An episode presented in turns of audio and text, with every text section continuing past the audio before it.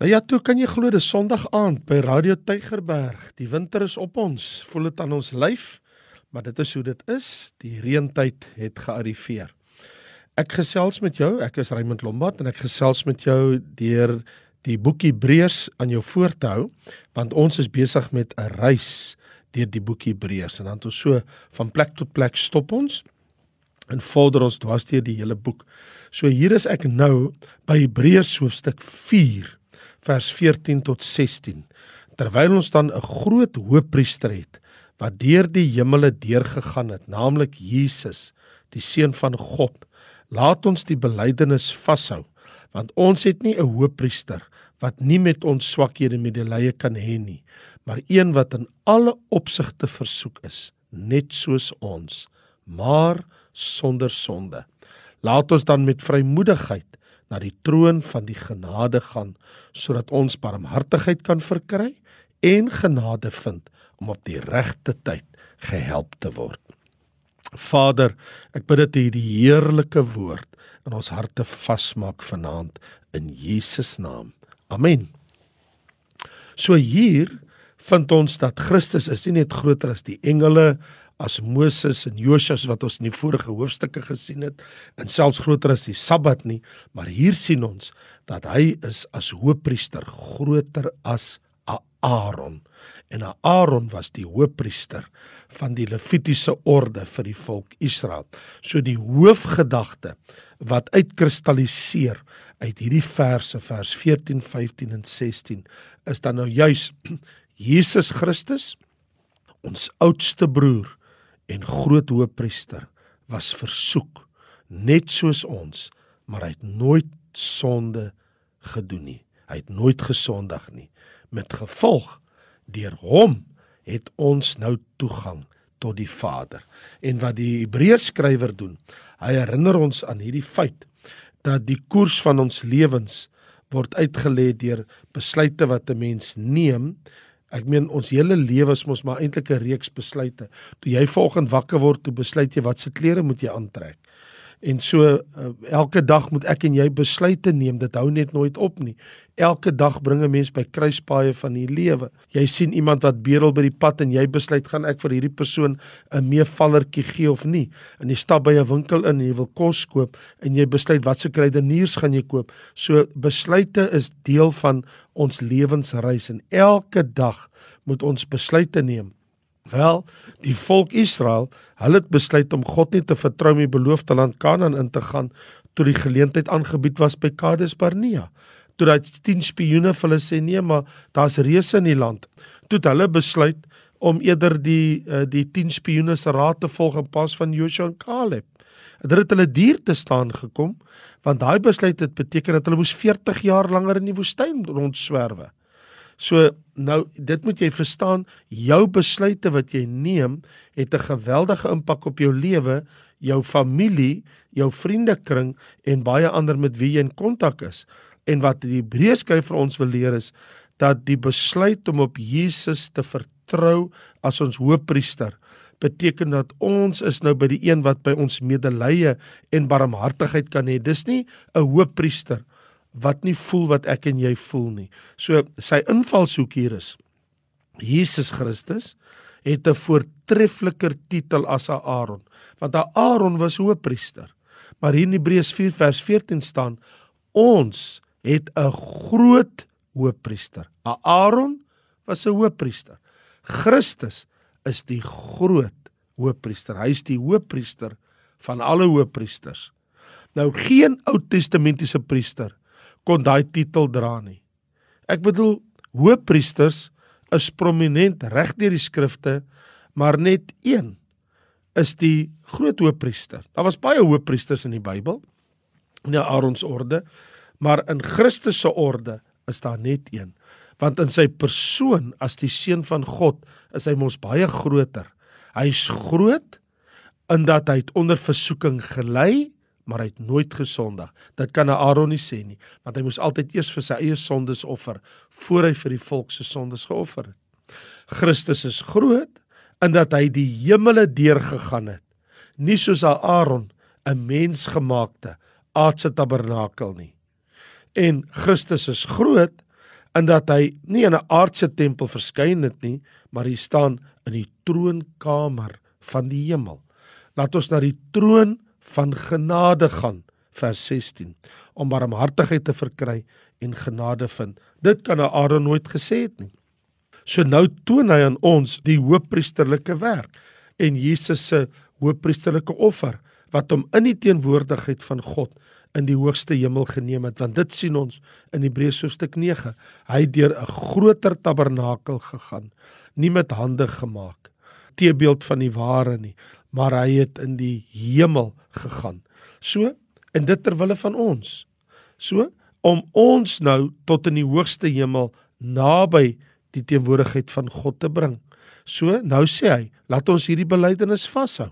Vers 14 terwyl ons dan 'n groot hoëpriester het wat deur die hemele deurgegaan het, naamlik Jesus, laat ons die belydenis vashou. So, watse belydenis het ek en jy? Eerstens, ons het 'n belydenis van 'n historiese Jesus. Jesus, die seun van God wat vir ons die groot prys betaal het. En nou as ons gaan kyk na die historiese Jesus vir die eerste keer nou in die brief Hebreërs lees ons die naam Jesus. Jy het nog nooit van Hebreërs 1 in al die weke wat ek en jy nou elke Sondag aand gekyk het na ons reis deur die boek Hebreërs, het jy nog nooit die naam Jesus so gehoor soos wat hy dit nou doen wanneer hy nie net gesê het in hoofstuk 3 vers 1 die hoofpriester van ons belydenis Christus Jesus maar nou sê hy naamlik Jesus die seun van God. So nou koppel hy Jesus as die seun van God. Vir my en jou Jesus van Nasaret die seun van God hierdie is die ware historiese Jesus. Daar was al baie Jesus in die geskiedenis. Baie mense het die naam Jesus gehad. Maar daar is net een Jesus van Nasaret, die seun van die lewende God. En op grond hiervan het ek en jy nou 'n belydenis. Hierdie historiese Jesus wat gebore is in Bethlehem. Alhoewel Jesus die groot hoëpriester is wat deur die hemele gegaan het, identifiseer hy met mense soos ek en jy want hy het self mensheid aangeneem. So ek en jy bely 'n historiese Jesus deurdat ons glo in dit wat die Bybel vir ons leer dat hy het gekom om vir ons aan die kruis te sterwe en sy lewe te gee. Nou staan daar in Romeine 10: As ons met ons mond die Here Jesus bely, dan sal ons mos nou gered word want daar staan mos nou dat met die hart glo ons tot geregtigheid en met die mond bely ons tot redding. Kinders van die Here Christene bely 'n historiese Jesus. Jesus wat waarlik waar na hierdie aarde toe gekom het, wat waarlik waar vir ons aan die kruis gesterf het. So, daar's 3 verse ter sprake. Ons groot hoëpriester Jesus, die seun van God, kom ons bly dit bely. Dan vers 15. Hier is die tweede vers.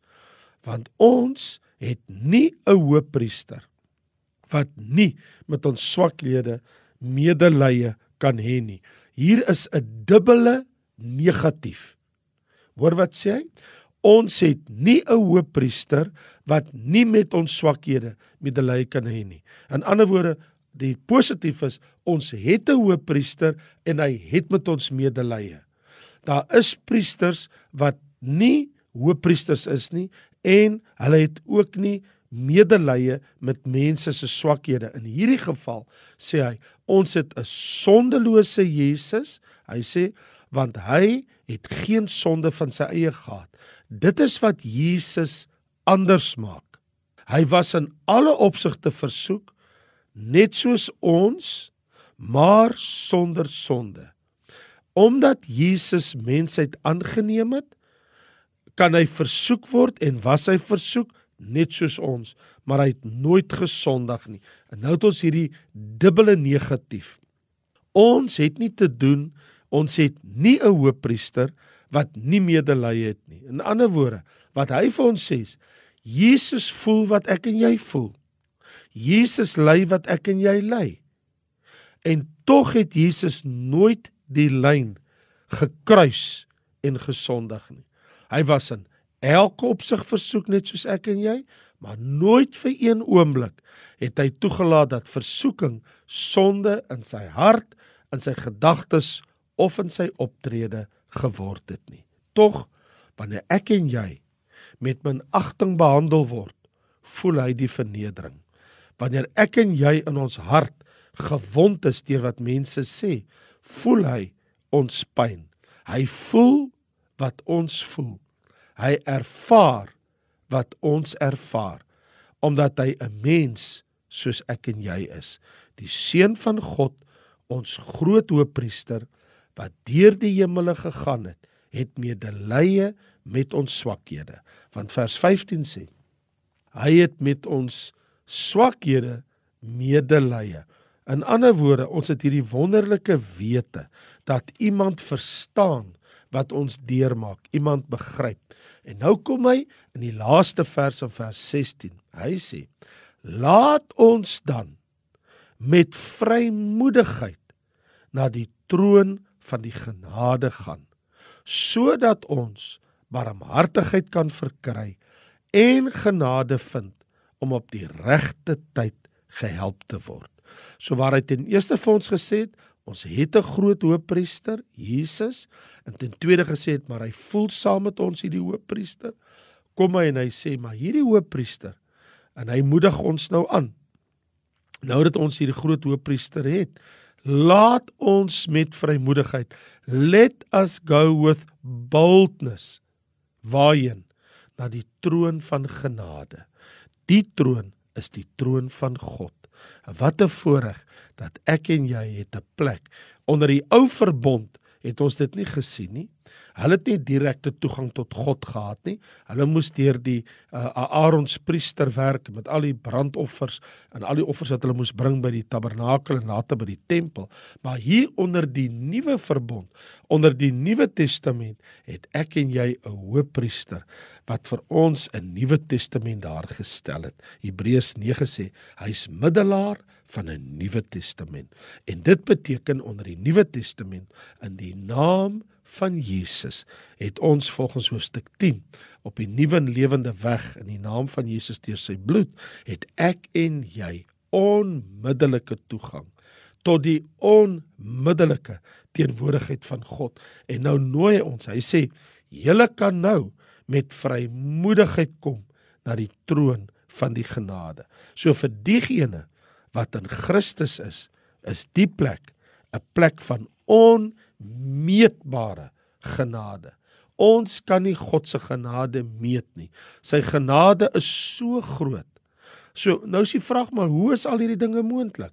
Wel wat hy vir ons wil sê is deurdat Jesus die prys betaal het met sy eie bloed, sê hy mos in hoofstuk 10 vers 19, broeders, ons het vrymoedigheid om in die heiligdom in te gaan deur die bloed van Jesus op die nuwe en lewende weg wat hy vir ons ingewy het deur die voorhangsleen dit is sy vlees. En ons 'n groot priester oor die huis van God het. So in ander woorde Jesus Christus is groter en voortreffliker.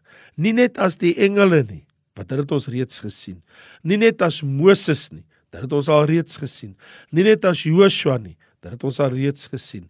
Nie net as die Sabbat nie dit het ons al reeds gesien. Nie net as Aaron nie Dit het ons nou net gesien.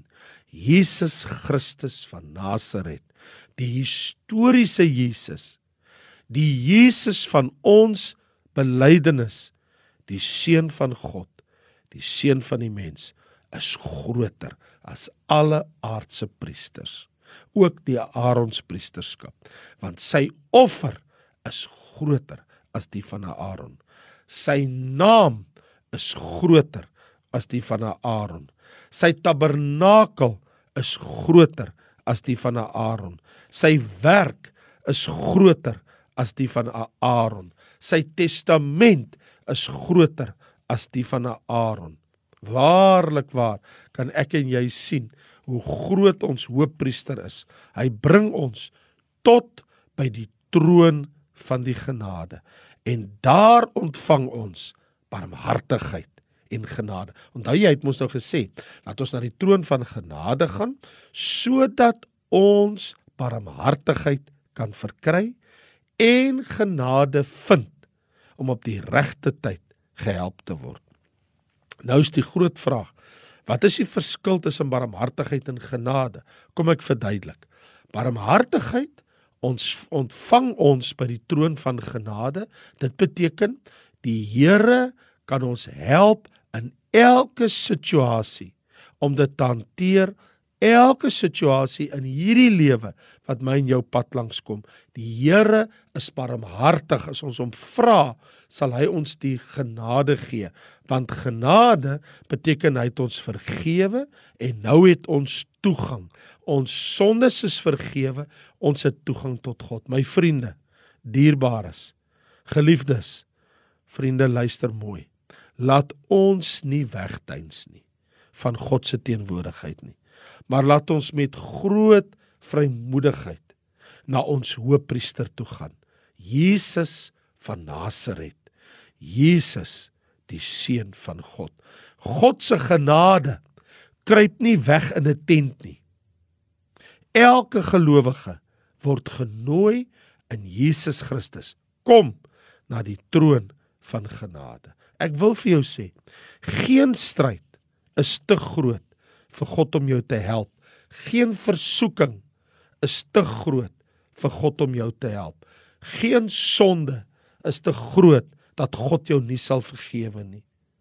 Dat ek en jy sal genade en barmhartigheid vind by die troon van genade deur ons hoëpriester, ons groot hoëpriester Jesus Christus en dat hy met ons medelee het. Dit is ons belydenis. Dit is ons geloof. Dit is ons vrymoedigheid. Jesus Christus het uit die hemel na hierdie aarde toe gekom om God na die mens te bring. Maar hierdie selfde Jesus het na die hemel teruggegaan sodat hy mense na God in die hemel kan bring. Nou het Christus God na ons toe gebring op die aarde.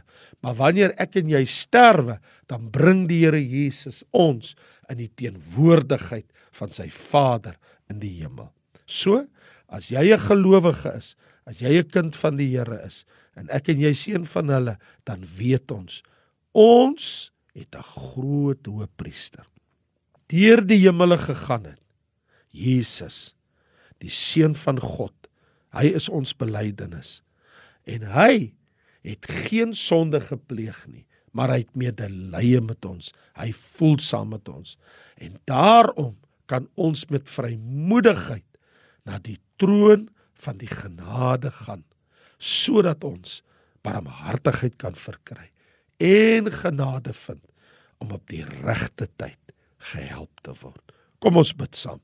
Vader van die heerlikheid Ons loof en ons prys en ons aanbid U, die God van die hemel, dat U U seun Jesus, die historiese Jesus, die Jesus gebore in Bethlehem, groot geword in die stad Nasaret.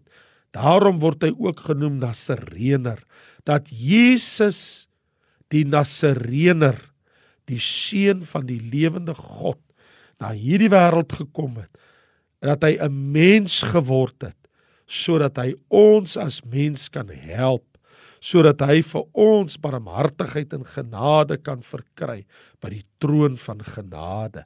Dankie dat U vir ons 'n pad oopgemaak het in die heerlikheid. Dankie dat U vir ons 'n pad oopgemaak het na die Vader hart.